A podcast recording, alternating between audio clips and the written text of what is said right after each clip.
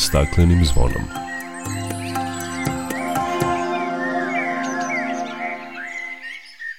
Dobar dan i dobrodošli na Zeleni talas prvog programa radija Radio Televizije Vojvodine. Ja sam Dragana Ratković. U ovo nedeljnom izdanju emisije pod staklenim zvonom govorit ćemo o ekološkom protestu koji je održan ispred predsedništva u Beogradu i zahtevima koji su upućeni vladi, o novim konkursima Ministarstva zašite životne sredine i kako građani mogu da prijave ekološke probleme putem ekološkog informacijenog sistema. Čućete kako će u Sremskoj Mitrovici građani moći potpuno besplatno da odlože otpad u reciklažno dvorište i kako u Bačkom Monoštoru razvrstavaju otpad. Povodom 2. februara Svetskog dana vlažnih područja govorit ćemo o njihovom značaju za prirodu i ljude, šta ih ugrožava i koje mere se preduzimaju za njihovo očuvanje. Biće reči i otkriću novog para orlova krstaša u Banatu i kako je došlo do toga da ptica koja se nalazi na nacionalnom grbu bude kritično ugrožena. Toliko u najavi, o svemu opširnije nakon pozdravne pesme. Dok priroda kraj nas plače, za vladarskim svojim tronom tužno vele narikače pod staklenim smo zvonom Znaj vazduha više nema sve manje je i ozona protiv sebe ide čovek i to često bez pardona uništenju živog sveta Kao da su ljudi skloni Čovek sam je sebi meta Zbog njega ovo zvono zvoni Uništenju živog sveta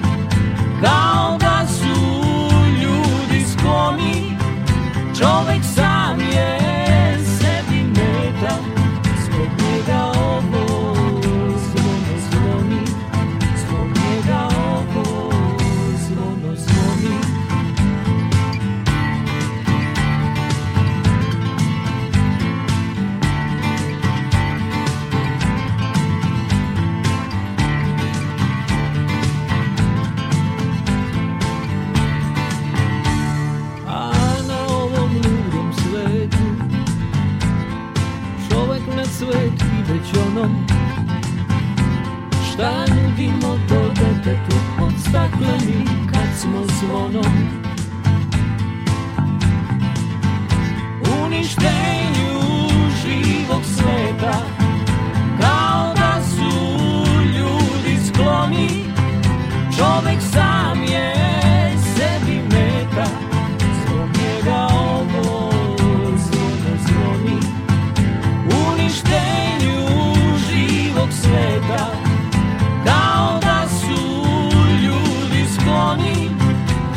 Like. excited.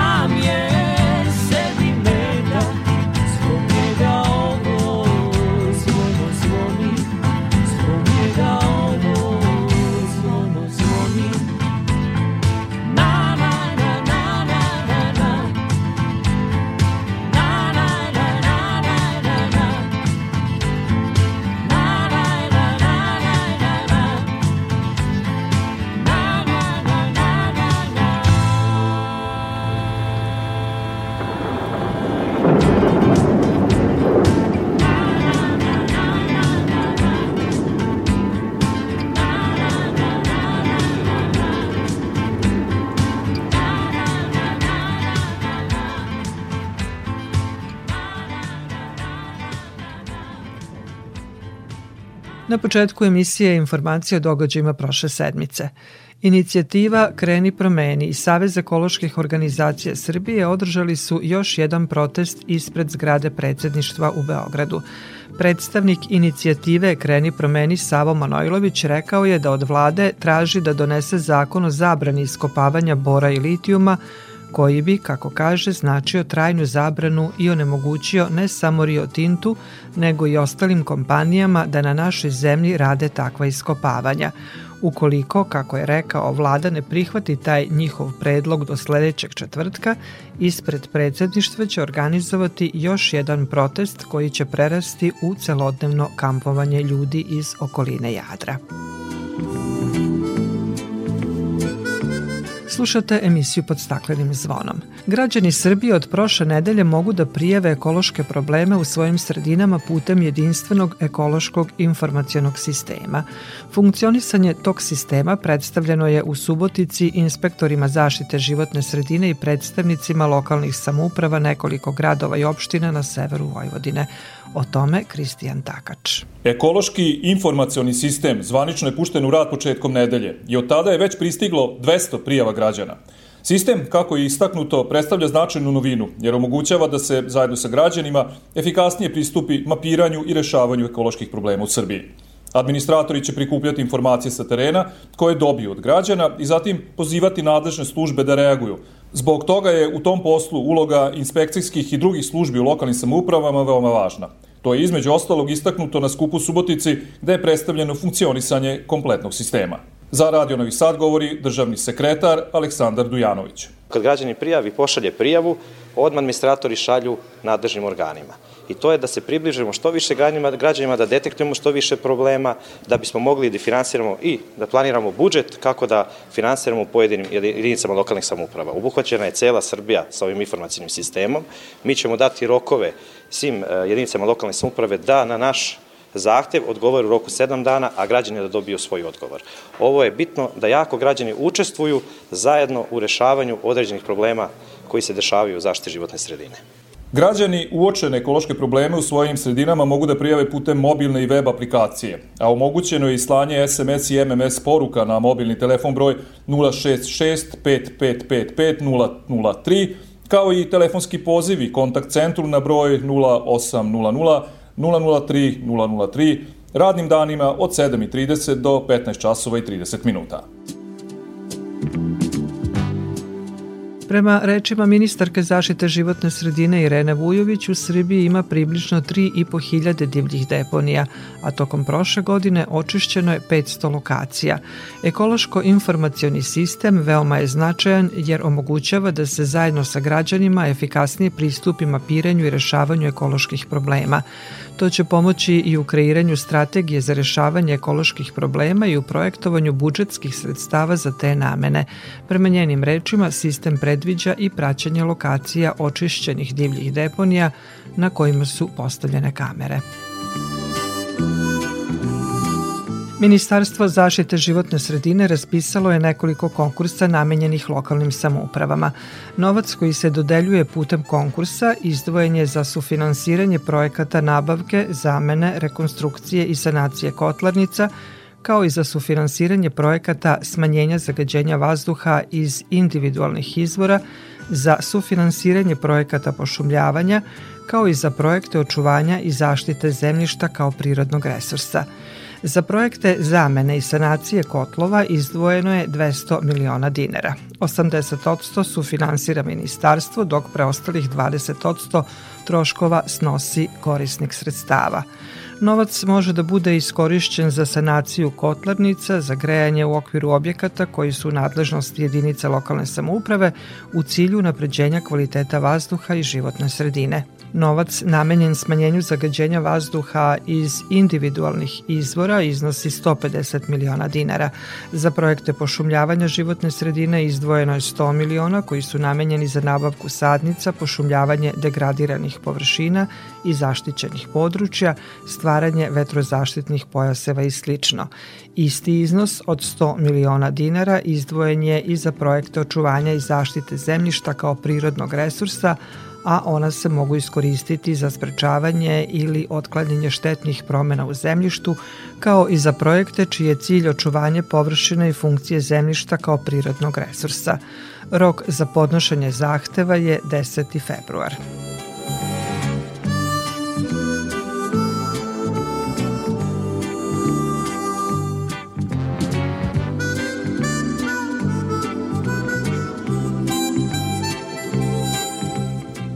Slušate emisiju pod staklenim zvonom.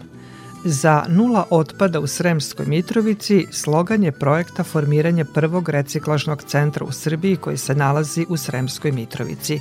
Građani Sremske Mitrovice moći će potpuno besplatno da odlože otpad u reciklažno dvorište i na taj način očuvaju svoju životnu sredinu. Više o tome Sanja Mitrović.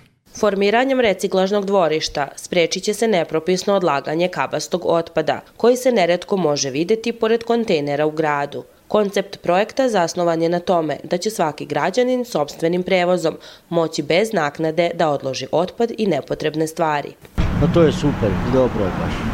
Znate.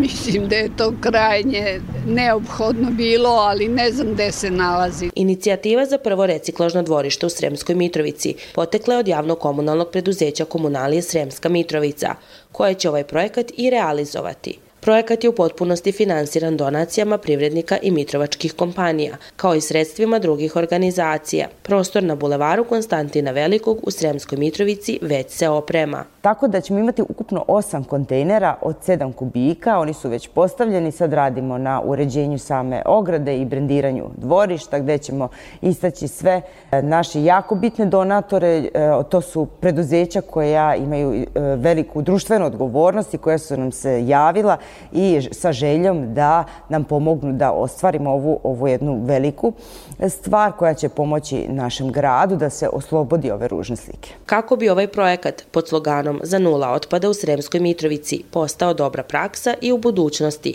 biće organizovana i letnja radionica za najmlađe Mitrovčane sa ciljem da nauče o zaštiti životne sredine i prednostima reciklaže. slušate emisiju pod staklenim zvonom. Bački monoštor e, je primer dobre prakse u mnogim stvarima kada je životna sredina u pitanju od nedavno i u razvrstavanju otpada kroz projekat Moja zajednica, zelena zajednica, koji zajednički realizuju udruženja građana Podunav, Bodrog i Vikend naselje Donda u saradnji sa mesnom zajednicom Bački Monoštor. Tim povodom sa nama Zdenka Mitić iz udruženja građana Podunav. Zdenka, dobrodošli na talase Radio Novog Sada. Hvala najlepše, dobar dan. Stanovnici Bačkog monoštara već su poznati po svom posebnom odnosu prema prirodi, jer su svesni svog okruženja u kojem žive, smešteni su u specijalnom rezervatu prirode Gornje Podunavlje, koje je sad postalo i deo prekograničnog rezervata biosfere Mura Drava Dunav i to sam se uverila nekoliko puta kada sam bila kod vas, ali evo odnedavno idete i korak dalje i mogu slobodno reći da postajete primer dobre prakse i u nekim drugim stvarima, ne samo u odnosu prema prirodi, nego i uopšte u odnosu prema životnoj sredini i krenuli ste sa razvrstavanjem otpada kroz projekat Moja zajednica, zelena zajednica. Tako je, Dragana, da imamo zaista onako puno aktivnosti koje su usmerene prema i zaštiti prirode i unapređenju stanja životne sredine i naravno održivog razvoja lokalne zajednice i pored dosadašnjih i manifestacija i edukacije i različitih projekata koje smo realizovali, a, važno je napomenuti da smo imali i dobru bazu za ovaj projekat koji smo radili preko Beogradske otvorene škole, jer već nekih pet godina unazad je zaživelo u selu jedna jako lepa akcija partija koja je za cilj imala i uopšte zaštitu prirode, a i opet razvijanje svesti kolektivne, jer imamo akciju gde meštani zakupljaju da i donose limenke i onda te limenke se znači na jedno mesto deponiju i kasnije se prede na reciklažu i od dobijenih sredstava smo do sada uspeli da kompletno uredimo i zamenimo stolariju na vrtiću, na primer. Pa smo onda e, jedne godine uspeli da uvedemo centralno grejanje na pelet tih limenki, da su zaista pored monoštoraca i mnogi ljudi iz okolnih mesta se uključili.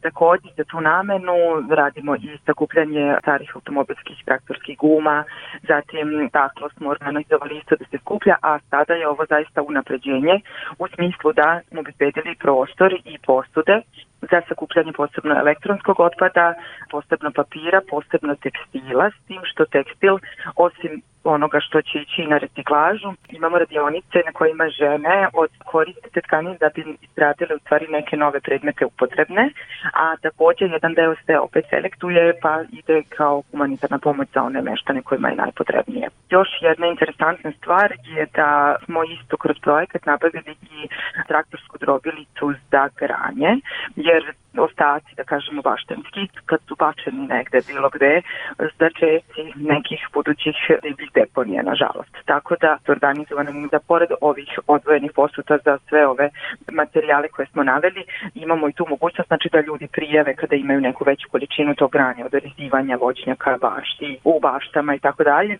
da mogu znači da se jave, mesne zajednice organizuje prevoz i onda se znači usitnjava i pravi se takozvani čist od tog drveta koji opet može dalje da se koristi za različite namene. Zaista za svaku pohvalu kako su odreagovali stanovnici Bačkog monoštora na ove novine koje ste uveli kada je razvrstavanje otpada u pitanju? odlično zaista smo naišli na podršku ne samo od strane e, ljudi iz Bačkog monoštara već i iz okolnih mjesta se interesuju za sam neki ovaj model da kažemo i recept kako to sprovesti ali naravno uvijek je važan entuzijazam mnogo volonterskog rada i mnogo rada uopšte na razvijanju svesti od značaju i uopšte ono što je važno je da svaki čovjek stvari prepozna da zaista ne mora ništa preterano puno da uradi, dovoljno je samo malo da se pokrene neka inicijativa i da to profunkcioniše. Da, zaista Bački monoštor predstavlja primer dobre prakse kao što sam rekla na početku u mnogim stvarima, dakle i u svom odnosu prema prirodi, ali i u životnom okruženju. Da li imate planove za nešto slično? Nisam spomenula, a to je isto jako važno, da smo u sklopu projekta takođe realizovali i radionice u saradnji sa e, školom, našom u Bačkom monoštoru, gde smo znači, za, sa decom od prvog do četvrtog razreda imali edukativne radionice, gde su se i oni takođe učili tom nekom primarnom da kažem, razdvajanju materijala, o reciklaži i tako dalje. I takođe je organizovano i osam volonterskih akcija uređenja životne sredine, odnosno nekog sakupljanja smeća, naravno prilagođeno i učesnicima i onako da to ne bude ništa opterećujuće, a opet da ima efekta što se uvek vidi. Ponovo smo konkurisali i neki je plan da još više uradimo na obezbeđivanju infrastrukture za privremeno odlaganje otpada sakupljenog jer i ono što želimo je znači da taj naš primer stvari predstavimo i ostalim za početak e, somborskim e, lokalnim zajednicama i teritorijalnim jedinicama, konkretno znači u ostalim selima da predstavimo taj neki naš model kako može da se organizuje cijela zajednica i uradi nešto dobro. Imate saradnju sa javno-komunalnim preduzećem u Somboru na odnošenju ili sa nekim drugim reciklerima? Imamo i sa e, javnim komunalnim preduzećem Čistoća iz Sombora, koji inače već imaju kontejnere koje su postavljeni po celom selu, namenjeni za prikupljanje pet ambalaže. I zaista su zadovoljni time kako su se ljudi u Monoštoru odazvali tome, jer u mnogim selima i u samom gradu je to krenulo, pa je bilo problema sa tim kontejnerima ili, da kažem, krađom pod navodnicima te sirovine, a ovaj, pored toga je i ceo Sombor i naseljena mesta prošle godine smo e, dobili takozvana zvona za odlaganje e, staklene ambalaže jako je dobar odziv. Tako da sa njima zaista imamo jako lijepu saradnju. Pre toga je bilo i saradnja sa ugostiljskim objektima gde su to, takođe dobili posebne posude za staklenu ambalažu. Zaista čistoća jako lepo radi taj svoj deo priče. Za ove neke druge sirovine koje oni ne otkupljuju, to onda imamo druge saradnike. A ono što je važno još reći je činjenica da je potpisan sporazum i da uskoro treba da krenu sa formiranjem, izgradnjom i ostalim sad već svim procedurama koje slede izgradnja regionalnog centra Centra za upravljanje otpadom u Somboru i gde će takođe biti jako veliki akcenat stavljen upravo na razdvajanje materijala, separaciju otpada i na reciklažu. Zdenka, hvala lepo na ovoj zaista lepoj priči i dobrom primeru Bačkog monoštora kako svako od nas može učestvovati u razvrstavanju otpada, ali pre toga zaista treba ljudima ponuditi mogućnost, a vi ste to kroz projekat Moja zajednica, Zelena zajednica i uradili. Hvala još jednom i svako dobro. Hvala vama.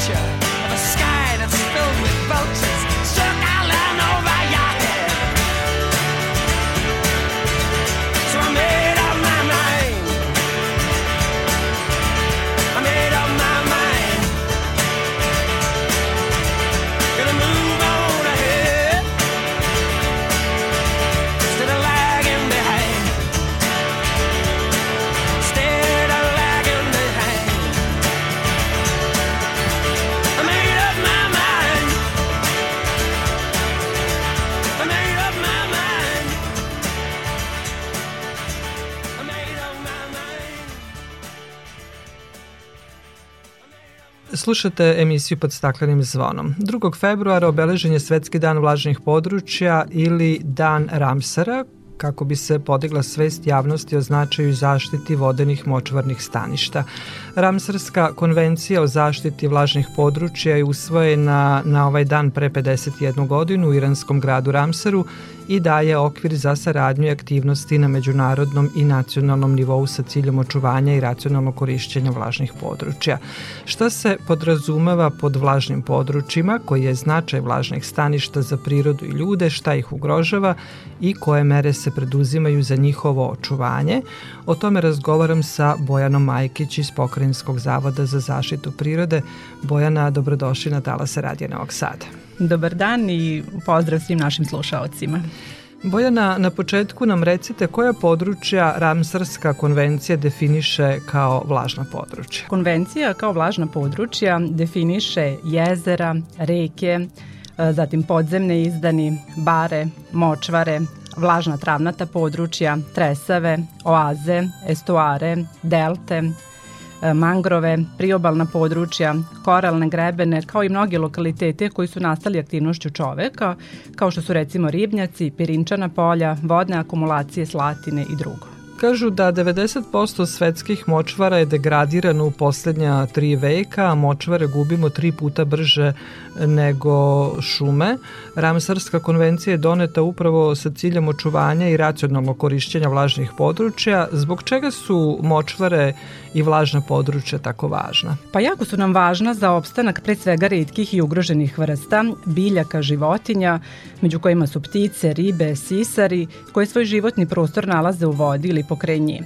Međutim, e, bitno je reći da i ova područja su izuzetno značajna za čoveka, jer u mnogim aspektima neposredno utiču na njegov opstanak. Močvare su izuzetno važni ekosistemi koji doprinose očuvanju biodiverziteta, ublažavanju klimatskih promena, predstavljaju rezervoare slatke vode, utiču na svetsku ekonomiju i još mnogo toga. Zaista veliki je značaj naših vlažnih područja. Zbog toga je tema ovogodišnjeg dana vlažnih područja akcija za vlažna područje za ljude i prirodu. Jeste tema je akcija za vlažna područja za ljude i prirodu i time želimo da naglasimo važnost aktivnog pristupa zaštiti prirode, da se osigura očuvanje i održivo korišenje močvara za ljude i planetarno zdravlje. Ono što bih istakla jeste da je ovogodišnja proslava Svetskog dana vlažnih područja veoma bitna jer je Generalna skupština Ujedinjenih nacija 30. avgusta 2021. godine usvojila rezoluciju 75 kroz 317 kojom je 2. februar ustanovljen kao Svetski dan vlažnih područja. Dan vlažnih područja obeležavamo evo 51 godinu od dana dana kada je usvojena Ramsarska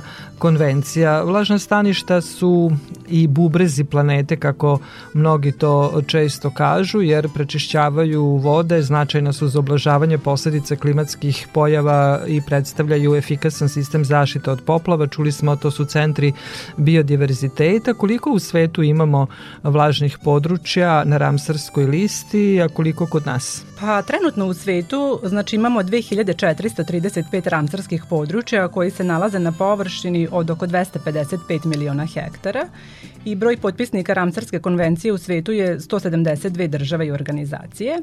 A što se tiče Srbije, znači imamo ukupno 11 ramsarskih područja koje se prostiru na površini od oko 130.525 hektara, a među njima su Obecka bara, Ludeško jezero, Carska bara, Gornje Podunavlje, zatim Slano Kopovo, Zasavica, Labudovo okno, Peštarsko polje, Vlasina, Kovljsko-Petrovaradinski rit i Đerdap.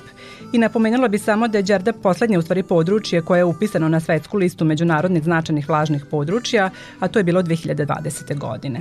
Dakle, 8 od 11 eh, ramsarskih područja kod nas su u Vojvodini. E, bez obzira što su vlažna staništa i vlažna područja od neprocenjive važnosti za život e, i ekonomski razvoj na planeti i prirodu, ona svakodnevno nestaju usled raznih e, faktora. Šta je ono što ugrožava i koje mere se preduzimaju kod nas na njihovoj zaštiti i očuvanju? Pa što se tiče problema, znači osnovni problem bi istakla kao isušivanje, odvodnjavanje, zatim zagađenje voda, eutrofizacija, njihovo spontano zarastanje, a što se mera tiče, znači najvažnije su pre svega zakonske i administrativne mere, naravno proglašavanje zaštićenih područja kao i njihovo aktivno čuvanje. Međutim, konkretno za ove tipove područja najvažnije su mere aktivne zaštite, a to je pre svega produbljivanje i uklanjanje sedimenata, uklanjanje invazivne vegetacije, a posebno bi izdakla promociju i edukaciju kojom se ja bavim u zavodu i nama u stvari osnovni cilj jeste da na najbolji mogući način edukujemo sve naše posetioce i da im što pre znači, ugradimo svest o zaštiti i očuvanju prirode. Da, od presudnog je značaja da podignemo tu i nacionalnu i globalnu svest o značaju močvara kako bismo zaustavili njihov gubitak i podstakli akcije za njihovo očuvanje i obnovu. Republički zavod za zaštitu prirode utvrdio je preliminarnu listu od čak 68 potencijalnih ramsarskih područja kod nas. Pokrajinski zavod za zaštitu prirode, čuli smo, izradio je dokumentaciju za nominaciju osam ramsarskih područja u Vojvodini. Da li radite na nominaciji za neko novo ramsarsko područje i imali tih područja e, još u Vojvodini koja bi se mogla naći na Ramsarskoj listi. Naravno, evo Zavod polako radi pripreme dokumentacije za proglašenje znači još jednog Ramsarskog područja. U pitanju je specijalni rezervat prirode Okanj Bara. A što se tiče naših područja, zaista postoje mnogobrojna koja bi se mogla staviti na listu za nominaciju i koja bi se mogla predložiti. A ja bih među njima samo istakla znači, neke, kao što su recimo Bosutske šume, Potamišje, Jegrička i naravno Okanj Banja i Rusanda. Nadamo se da će se uskoro naći još koje ramsarsko područje u našoj zemlji na listi međunarodno značajnih vlažnih područja. Bojana, hvala vam e, za razgovor i naravno još jednom da e, podvučemo da je od presudnog značaja da podignemo e, svest o značaju i zaštiti vlažnih područja, a eto prilika je da se podsjetimo na to. Hvala vam još jednom za razgovor i učešću u programu Radio Novog Sada. Hvala vama i našim dragim dragim slušalcima.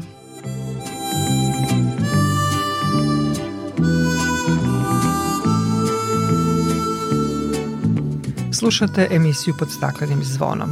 Vlažna staništa, iako pokrivaju samo oko 6% površine zemlje, 40% svih biljnih i životinskih vrsta živi ili se razmnožava u njima.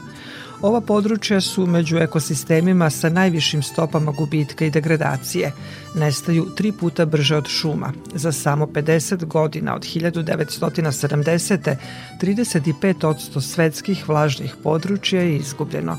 Prema rečima Dimitrija Radišića sa Prirodno-matematičkog fakulteta u Novom Sadu, vlažna staništa ukupno zauzimaju malu površinu, ali sa druge strane ona su nesrazmerno značajna.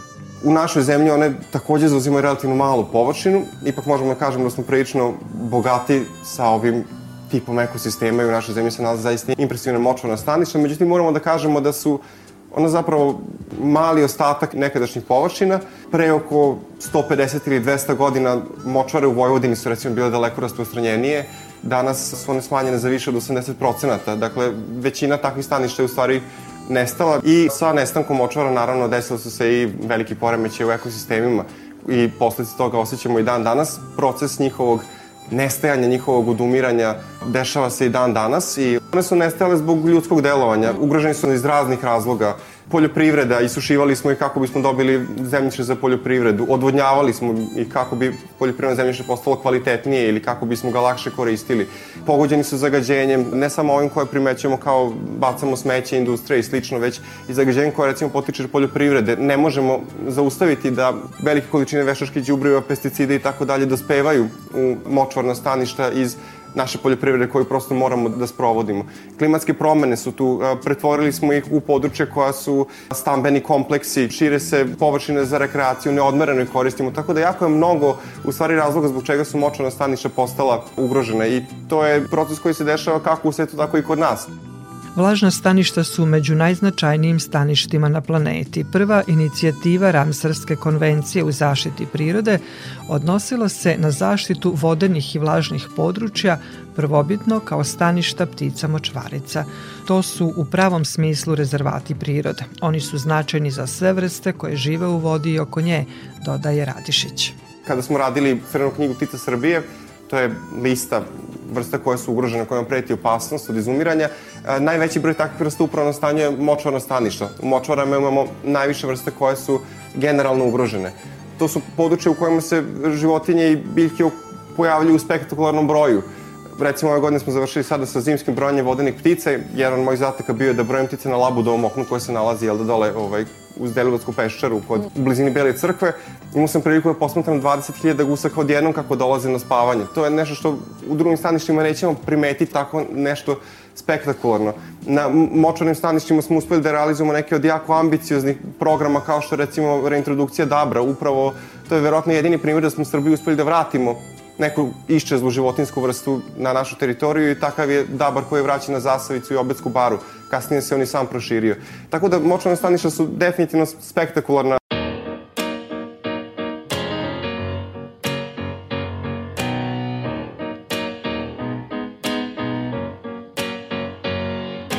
These are the reasons I drink. The reasons I tell everybody I'm fine, even though I am not. These are the reasons I overdo it since I can remember, since I was single digits. Now, even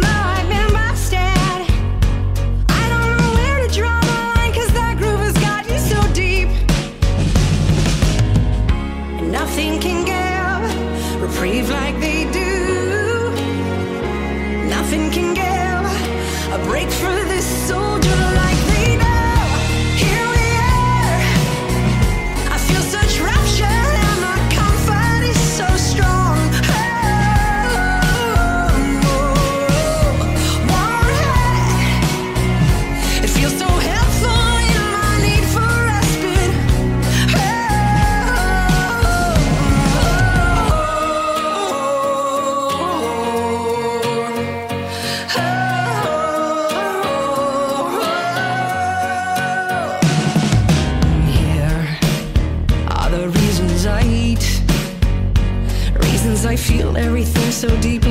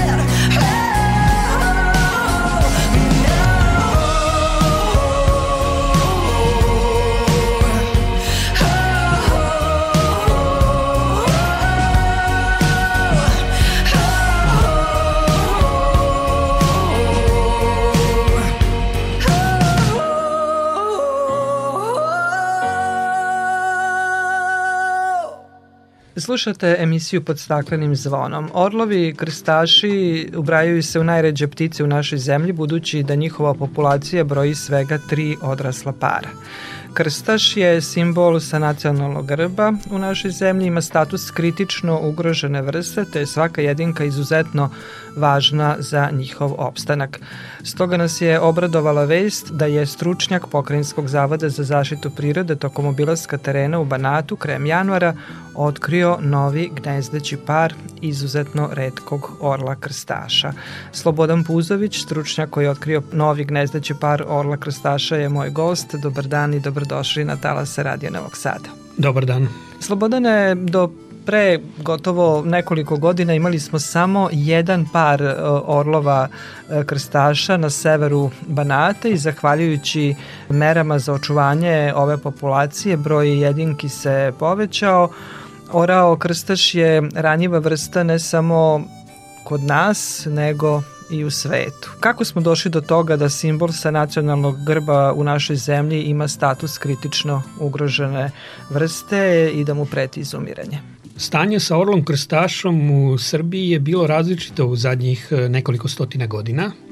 U zavisnosti od toga koliko je ljudi živelo na ovim prostorima, kakvim su se delatnostima i aktivnostima bavili i koliko su im ti orlovi krstaši, pa i druge ptice grabljivice, bile bitne u njihovom svakodnevnom životu. E, nekada su orlovi krstaši pre svega živeli na dva područja u Srbiji. Jedno područje je bilo taj panonski deo Vojvodine i neki delovi koji se naslanjaju na Savo i Dunav, znači sa južne strane dole u Pomoralju, u Stigu, u Mačvi i jedan značajan prostor za orlove krstaše nekad je bio prostor Kosova i Metohije i doline Južne Morave kod Vranja pošto su oni bile ptice otvorenih područja. Uglavnom nisu izlazili daleko u šume, već su se držali blizu tih pašnjaka, livada, pa i tadašnjih oranica i uglavnom su se gnezdili na usamljenom drveću. I možda je čak i narodni naziv krstaš poteklo toga da su orlovi birali takva stabla koje je narod cenio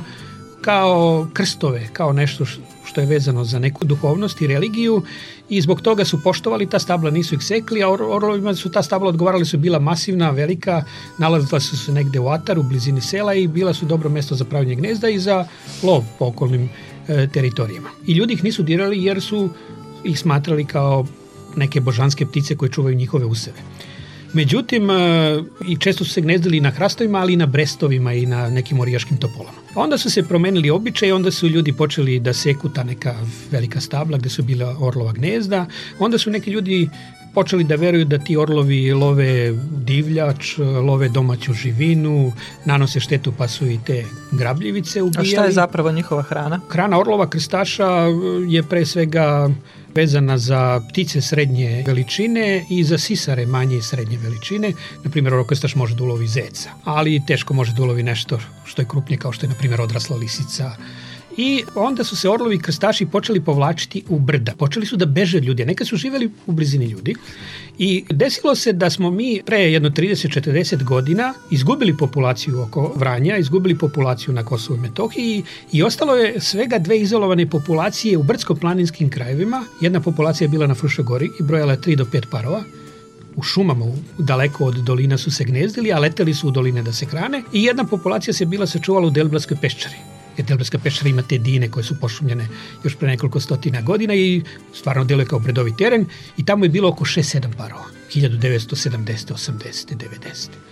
I onda su te populacije u zadnjih 20 godina, taj proces se desio i u nekim okolnim zemljama u Panonskom basenu, e, nestale. Zadnje krstaše u Delbenskoj pešari smo izgubili pre oko 20 godina, a zadnji par krstaša na Frušegori smo izgubili 2016. godine, recimo. I u tom trenutku se pojavio jedan novi par na sasvim drugačijem području nizijskom, relativno poljoprivrednom području sa nekim slatinama stepama na severu Banata. 2009. Šta ih je privuklo tamo?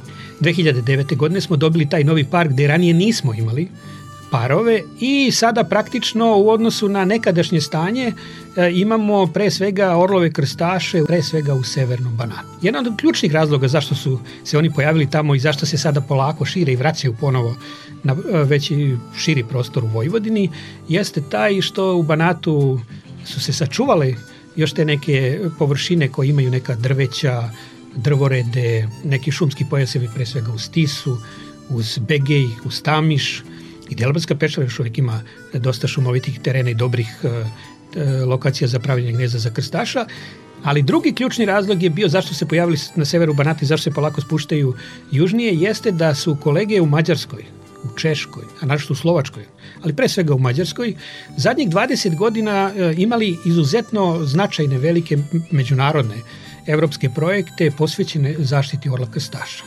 U pitanju su milioni i milioni evra koje su oni uložili u okviru tih projekata za očuvanje staništa, za očuvanje lokaliteta gde ima hrane za orlaka staš, za očuvanje sadju drveća da se orlovi mogu gneziti, očuvanje postojećih stabala gde mogu da prave gnezda, za sprečavanje krivolova, za sprečavanje trovanja ptica grabljivica što namerno, što slučajno kroz trovanje pasa, lutalica, šakala, lisica i tako dalje, što je i dalje veliki problem u Panonskoj niziji. I jednostavno oni su kroz te intenzivne e, aktivnosti u okviru tih projekata uspeli da značajno povećaju populaciju orla krstaša u Mađarskoj pre svega, ali i u Slovačkoj i nekim drugim zemljama i jednostavno toliko je tamo narastao broj da su počeli polako da se šire prema jugu i ti parovi u Banatu je u stvari širenje populacije orla staša u centralnom delu Panonske nizije prema Vojvodini. Da, povećao se broj nezdećih parova i kod nas upravo zahvaljujući projektu Panon Eagle kojem je Srbija zajedno sa Austrijom, Češkom, Slovačkom i Mađarskom učestvu i kroz taj projekat eto uspeli smo nekako da povećamo broj e, jedinki. Proteklih godina pratili smo čuvanje gnezda, mladunce koji su se izlegali pre nekoliko dana i Društvo za zaštitu i proučavanje ptica Srbije objavilo je vest da orlovi koji su se izlegli ovde kod nas u Banatu krstare panonskom nizijom jer ih oni satelitski prate. Mere koje su preduzete dale su određene rezultate, a ono što je još jedna lepa vest to je da ste otkrili još jedan novi gnezdeći par, ali ne na lokalitetu gde su ova tri. Tako je, ti brojni projekti koji su rađeni u Panonskoj niziji rade se su dobili jedan novi kvalitet time što je Srbija najzad pre nekoliko godina postala deo tima tih međunarodnih projekata u Panonskom bazenu. Vi ste pomenuli taj projekat koji mi pod akronimom zovemo Panon Eagle, gde i naš pokrinjski zavod zaštitu prirode partner u tom projektu, ali i Društvo za zaštitu i proučavanje ptica Srbije i mi smo zaista čitav niz aktivnosti i što se tiče postavljanja veštačkih gnezda i što se tiče tog monitoringa, prstenovanja, postavljanja odašiljača, pa i sadnje nekog drveća potencijalnih budućih mesta za gnežđenje i u tom projektu smo se čak obavezali kao jedan od ciljeva da ćemo populaciju sa tih 2-3 para povećati na 5-6. I evo sad otkrivanje ovog novog para je jedan korak ka realizaciji toj projektne aktivnosti projektnog cilja. Treba nam još mnogo toga da uradimo da bi stabilizovali sve te parove, ali ovaj četvrti par je zaista pokazatelj da ti svi naši napori koje ulažemo daju rezultat, naravno u saradnji sa našim partnerima Pomenuli ste društvo kao partnera u projektu, ali mi sarađujemo tesno i sa lokalnim samupravama, sa lovačkim udruženjima, sa upravljačima zaštićenih područja na čim teritorijama se uglavnom zadržavaju ti orlove u Banatu i neka gnezda su čak unutar zaštićenih područja i to je stalna borba da bi mi uspeli nekako da sačuvamo te parove i da im omogućimo da izvedu potomstvo, jer bez izvođenja potomstva teško može da dođe do širenja brojnosti orlova krstaša. Ovaj četvrti par koji je više od 30 km otišao južno od najbližeg ranije poznatog para je pokazatelj da oni polako osvajaju banat. Sledeća lokacija gde bi trebali orlovi da se pojave kao novi parovi će verovatno biti negde u zoni našeg specijalnog rezervata prirode Okanjbara, to je kod Elemira Taraša mhm. prema Zrenjaninu. Sledeća dobra lokacija za gnežnje orlova krstaša je negde oko Araca, Tu se već približamo i Titarskom bregu, sa bačke strane i približavamo se Potamišu. Kada orlovi dođu do Potamiše, i kad tamo se formira neki novi par, onda je samo korak da stignu do Delbarske peščare i da opet na neki način vrati orlaka staša u Delbarsku peščaru koju je tamo živeo pre 20 godina. Što znači širenje orlova krstaša ide postupno i nemoguće je, jer oni su jednostavno ptice grupa, jako žive solitarno i teraju druge ptice, čak i svoje mladunce teraju sa svoje teritorije kada odrazu, ne trpe ih ali jednostavno orlovi krstaši u mnogim regionima imate situaciju da na dobrim staništima imate na 20 km prostora 3, 4, 5 parova, a pa onda 100 km ne, nema, pa nema, pa opet ima nekoliko parova. Znači, koncentrišu se na dobrim e, lokalitetima i mi smatramo da će ovim postepenim širenjem preko ovih područja koje sam sad pomenuo, uskoro doći, u narednih, nadamo se, 5-60 godina do Južnog Banata, a onda kada osvoje Delblasku peščaru i kada dođu do tih e, slatina oko Araca, samo je korak da se prebace na Titelski breg gde takođe ima dobrih uslova za ishranu pa možda i za gnežnjenje, a onda je e, sasvim blizu Fruška gora. Prema tome, e, borba za očuvanje, evo mi sad upravo imamo u okviru tog projekta Panon Eagle, čišćenje, novo čišćenje, revitalizaciju pašnjaka, na Frušoj gori gde žive tekunice. Tekunica je izuzetno bitna i ugrožena na međunarodnom nivou, orla kastaša. ali ona je veoma važan plen orla kastaša i da bismo mi privukli ponovo orla kastaša, aj sačuvali tekunicu, mi jednostavno uh, radimo, ulažemo u Frušku goru bez obzira što sad trenutno nema gnezećih parova Kastaša, ali nadamo se da će tom dinamikom širenja populacije orlovi krstaši u narednih 10-20 godina ponovo da jedra iznad Fruške gori da se tu gnezdi. Bili ste iz Pokrenjskog zavoda za zaštitu prirode najavili neke konkretne aktivnosti nakon ovog vašeg otkrića četvrtog para ora krstaša, šta će to biti? Već smo počeli da analiziramo znači, tu lokaciju, tam par pravi novo gnezdo, no, našli smo još jedno gnezdo na koje je na kilometar udaljeno od toga, znači to su napravili pre toga. Znači moramo te dve lokacije koje ne, se ne nalaze u zaštićenim područjima. Znači da obezbedimo da sa vlasnicima tih parcela gde se nalaze ta gnezda u krug nekih nekoliko stotina metara, moramo da se dogovorimo sa svakim vlasnikom kada će moći da priđe užu zonu gnezda, da obavlja neke aktivnosti, da ne bi plašio ptice, jer ključni i najosetljiviji period za uspešnost nežnje orlaka staša je kraj marta do kraja maja. Jer tada oni e, počinju da nose jaja, inkubiraju preko 30 dana, i onda prvih mesec dana kada su mladi osetljivi na klimatske promene, na predatore, na bilo šta, jednostavno ne smeju orlovi da se uznemiravaju. To smo radili sa ova tri para koje imamo da, severnije čuvali. i pregovarali sa vlasnicima i čuvala su, čuvana su gnezda da neko nesavesno ne priđe preblizu gnizdu, ali smo morali da dogovorimo sa svakim vlasnikom da ne može ako ima oranicu, ne može da ore u trenutku kad orao leži na, na gnezdu da ja ima jako još loš dan, ako je kiša, ako je hladno, jednostavno dovoljno da on preplaši orla i da orao sat vremena ne bude na gnezdu i ako je kiša, leglo će propasti, neće ništa biti te godine. Znači, dosta je to mukotrpno sve ispregovarati, izdogovarati, jer ljudi često kažu pa ja imam svoju njivu, moram da radim, moram da proizvodim, pa tu onda se razgovara kako da mu se nešto kompenzuje, kako da se nađe neki e, zajednički dodirni činilac koji može sve to da drži pod kontrolom, ali eto, to je posao u zaštiti prirode, znači da obezbedimo prvo drvo, da ga neko ne poseče ili nešto se ne desi, gde je gnezdo, da obezbedimo bližu i širu okolinu da se ptice ne plaše i da sa svim vlasnicima i korisnicima zemljišta na tom lokalitetu nekako napravimo dogovor koji će da funkcioniše, da i oni rade svoj posao, a i da orlovi budu tamo. Da li će i ovaj par e, orlova krstaša dobiti svoja imena kao i prethodni? Davali smo mladuncima imena svake godine, evo sad e, par koji se prati mladunaca Mima i Mihajlo lete nad e, Panonskom nizijom, da li će novi par dobiti svoja imena? Pa to je običaj da kada se e, ptice markiraju, naravno redke vrste orlova, i kada se prate neki parovi detaljno da im se daju imena i vidim da je to običaj primjer u okviru projekata u Mađarskoj, Slovačkoj pa i u Španiji gde svakom bradanu ili svakom crnom lešinaru daju određena imena. Moguće da će to biti slučaj i kod ovog para, ali pretpostavljam da će to time da se bave pre svega kolege iz Društva za zaštitu i proučavanje ptica Srbije. Nadamo se da će i ovaj novi gnezdeći par e, u Banatu dobiti svoja imena i evo samo primer da zaista aktivnim merama zaštite možemo zaštititi određene populacije od njihovog izumiranja, da to u stvari nije nemoguće. Tako je, nije nemoguće, ali treba biti prisutan na terenu, i pratiti šta se dešava, na vreme otkriti neke stvari koje su bitne, sagledati e, kakve su tu pre svega ljudske aktivnosti prisutne i probati u komunikaciji sa brojnim ljudima, partnerima, saradnicima, pre svega na lokalnom nivou, naći najbolje rešenje da stvar funkcioniše i da ti orlovi mogu normalno tu da žive, jer svako to novo gnezdo, svaki novi par koji je uspešan, u stvari znači da će za nekoliko godina vrlo verovatno da se formira još neki novi par u širem okruženju. Nadam se da ćemo uskoro dobiti lepu vest da imamo još po koji par ovde na našim prostorima i da će se uskoro Orao Krstaš vratiti i na Frušku goru. Slobodane, hvala vam lepo za razgovor i učešću u programu Radi Novog Sada. Hvala vama na pozivu.